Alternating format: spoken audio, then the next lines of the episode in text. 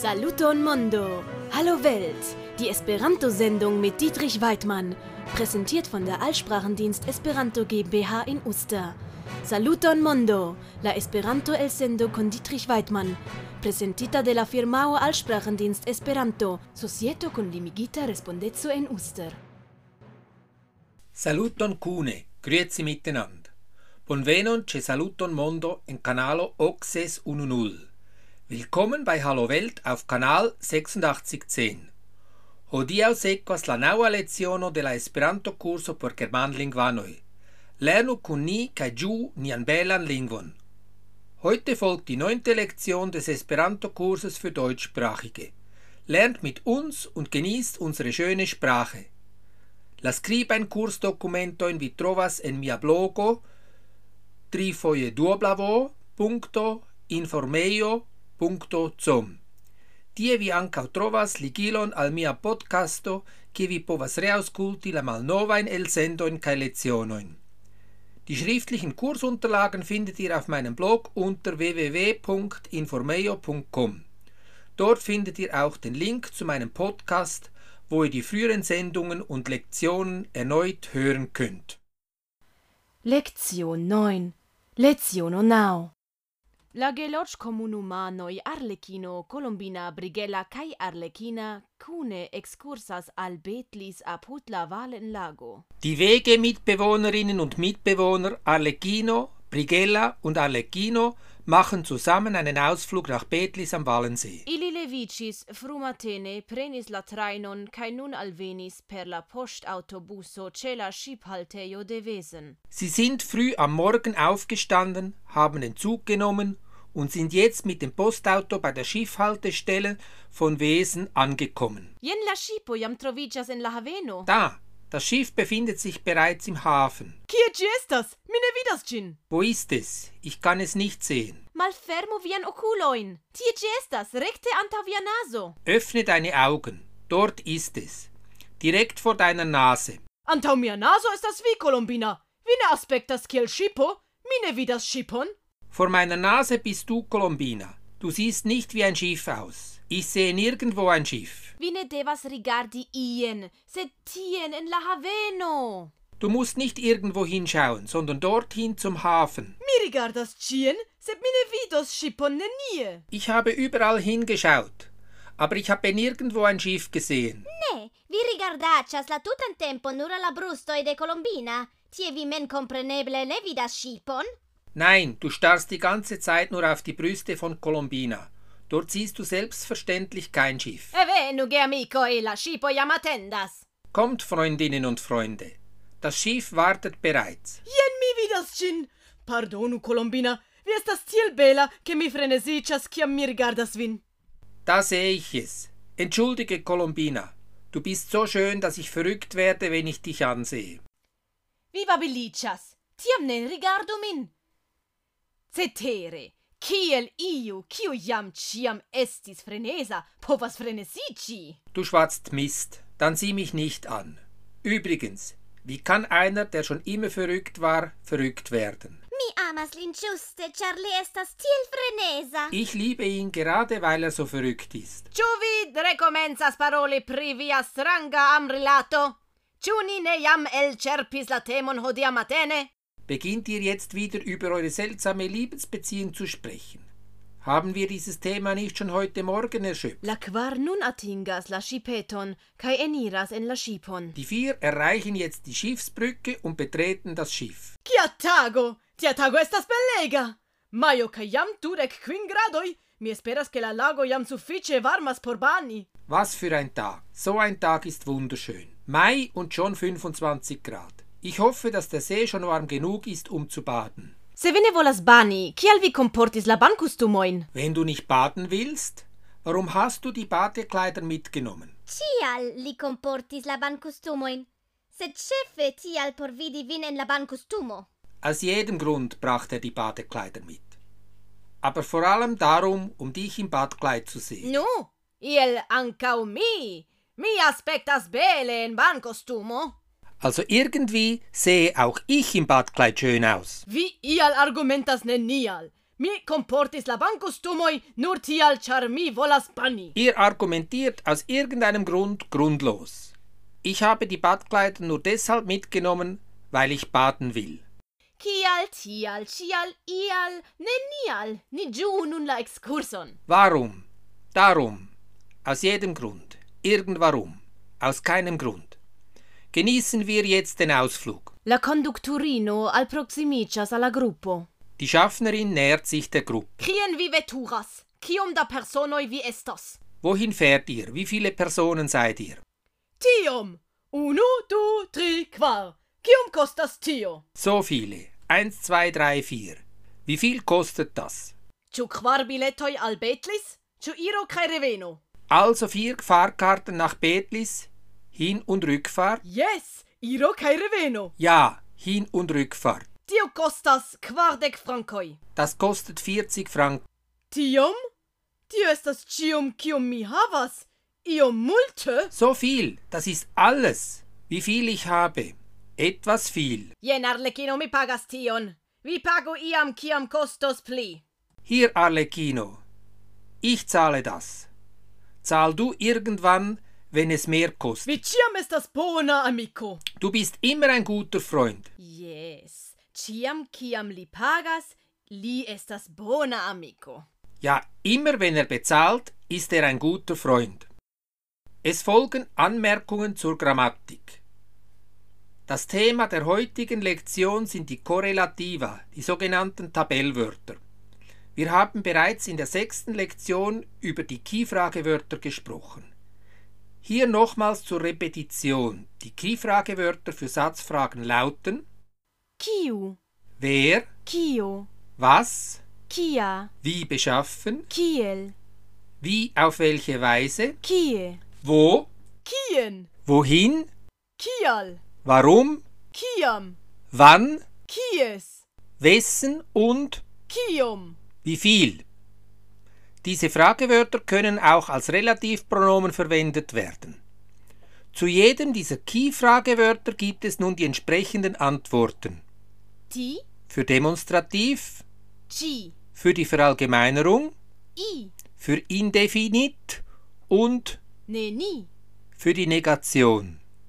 Kial, Bedeutet somit warum, tial, heißt darum, cial, heißt aus jedem Grund, ial, heißt irgendwarum oder aus irgendeinem Grund, nenial, heißt grundlos oder aus keinem Grund. Kie? Bedeutet somit wo, tie heißt dort, tie heißt überall, ie? Heißt irgendwo, nenie heißt nirgendwo oder nirgends. kien, Bedeutet somit wohin, tien, heißt dorthin, cien, heißt überall hin, ien, heißt irgendwohin, nenien, heißt nirgendwohin. kiom, Bedeutet somit wie viel, tiom, heißt so viel, ciom, heißt alles oder der gesamte Betrag, iom, heißt etwas oder ein bisschen, neniom, heißt nichts. Die Nachsilbe atsch bezeichnet eine Verschlechterung, ein Pejorativ. Beispiele. rigardi, Heißt schauen, rigardaci, heißt starren, hundo, heißt Hund, hundaccio, heißt Köter, babili, heißt schwatzen, babilacci, heißt Mist erzählen, homo, heißt Mensch, homaccio, heißt Saukerl. Die Endung kann man zusammen mit der Vorsilbe Vieh, Bedeutung gemein, wunderbar zum Bilden von Schimpfwörtern verwenden. fiaciullo, Bedeutet also etwa so viel wie gemeiner Seilkerl. Damit sind wir wieder am Ende der heutigen Lektion angelangt. Das Kursmaterial findet ihr auf meinem Blog unter www.informeo.com und ihr könnt es euch von dort als PDF herunterladen oder ausdrucken. Dort findet ihr auch den Link zu meinem Podcast, wo ihr euch die Lektion und auch die früheren Sendungen nochmals anhören könnt. Jen ni atingis la finon de nia hodiaŭa leciono. La kursmaterialon vi trovos en mia blogo sub trifoje.informejo.com de kie vi povas elŝuti ĝin kiel pdf kaj elprinti. Vi tie anca trovas la ligilojn al mia podcasto kie eblas reaskulti la lecionon kaj anca la malnovajn elsendoin. Anta du semajnoj mi prezentis al vi la historion de la romanĉa. La hodiava contribuo estas dedicita alla actuala situazio. È la messaggio della registara consilio alla granda consilio della cantono Grisono della Texesa de Maio 2006 rilate alla lingua leccio ni excias jenon. Iam en 1947 la lia romancia postulis cantonan lingvoleccion. Novan dinamicon Tiu ci discuto ricevis el la 1960 kai kai 1970 kai jaroi cara de la termino de la territoria principo. Pli largigita malnetto por lingua lecio en cantono Grisirno presentita de la lia romancia en 1979, kiu dividis la cantonon en fisiche definita en unu cae du lingua en territorio en fiascis en la pridemandado farita en la registaro 1980-81. Ne pli bone successis la malneto por lingvoleggio farito de la registaro en 1985. Anca tiu propono malsuccessis en la pridemandado pro la disputa demando de la territoria principo. En la sequa competenzo por la fiscato de la oficialae comunumae lingua restis plu de ce la comunumoi. Considerante la dauran repelon de la romancia lingua, ca la malsuficia representado de la itala lingua en la publica vivo, la registaro taskigis labor gruppon lingua Pesaggio Grisono cum metitan el representantoi de ciui cantona lingvae comunumoi exameni ciu impendanta in demando in cadre de eventuala lingua leccio cae elabori concreta in mesuroin por la conservato de la minazzata e minoritatoi.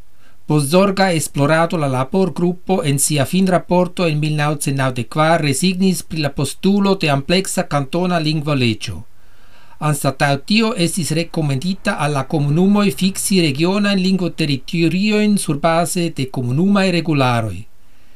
En la sekvo decidis pluraj regionoj, comunumoi e la romanŝlingvaj teritorio tiel nomitajn regularojn pri oficialaj lingvoj, en kiuj estis fiksitaj la oficialaj instru instrulingvoj de la koncernaj komunumoj.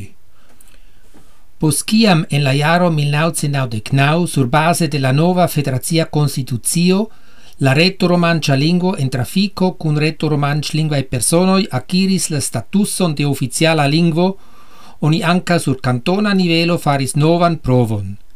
En la jaro 2003 la trilingvezzo estis fixita en la nova constitucio de la cantono Grisono cae en la lingvo legio de 2006 la statuso de la romancia lingvo cae mesuroi por la protecto de la minoritata e lingvoi fine anca estis regulita legge de vigei e cantona nivelo.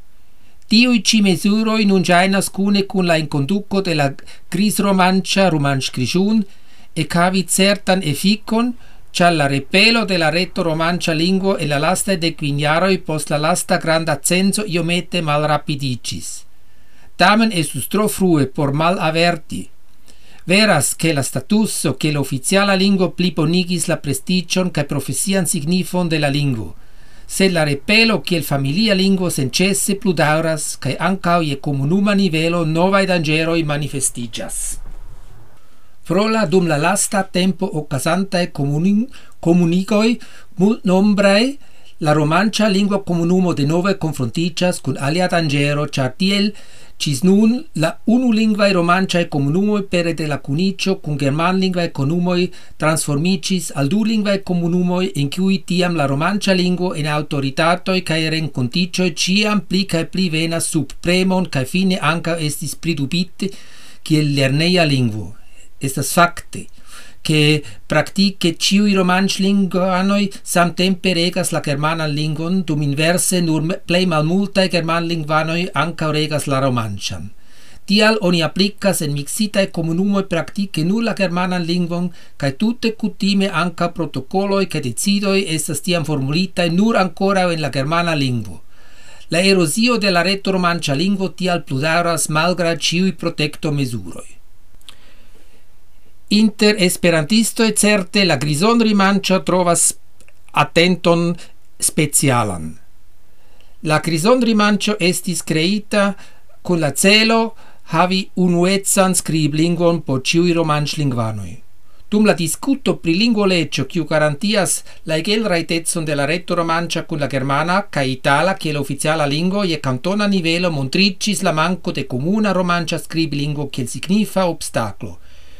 Ciu de la quin cefi idiomoi utiligis sian propran scribo lingvon, tio estis tamen signifa obstaclo en la oficiala trafico cun la cantono cae la federazio. Tia la lia romancia tascigis fine de la 1970 iaroi professoron Heinrich Schmidt de la Romana Instituto de la Universitato de Zurico per la creo de comunuma romancia scriblingo sur la baso de la quin existantae romanciae scriblingvoi en cantono Grisono. Ecte la comenzo de la minal cent la proiecto estis realigita. Heinrich Schmidt pasigis la cris romancian cefe sur la formoi de la tri plei vivo povae romancia idiomoi vaiadera sur Silvana cae sur Mirana. Por la ortografio li povis consideri la scribanieroin de la existanta literaturo. La excepto de la gris romancio estis tre diversa. Federacia cae cantono intertempe utiligas por la oficiala comunicato sole la cris romancian. En la presitae medioi cae la reto ancora superegas la regiona scriblingvoi, sed anca citie la cris romancia precipe en la interregionae publicajoi gainas plica plita signifo a parte la red paciaro de la lia romancio ca la electronica el dono de la historia lexicono de Svislando estas formulitae en la nova romancia scriblingvo. En la grisonae gimnasioi la grison romancia intertempe estis enconducita che l'instrulingvo dum de la proximume octe comunumoi con romanciae lernen classoi cis nun proximume la duono transiris por sia instruado alla cris romancia. En 2000 dec unu tamen de quar de tiui comunumo decidis refari sian instruaton de nove en sia cutima regiona lingvo. Das war Hallo Welt, die Esperanto-Sendung mit Dietrich Weidmann, präsentiert von der Allsprachendienst Esperanto GmbH in Uster. Tio estis Saluton Mondo, la Esperanto el sendo con Dietrich Weidmann, presentita de la firmao Allsprachendienst Esperanto, Societo con limigita respondezo en Uster.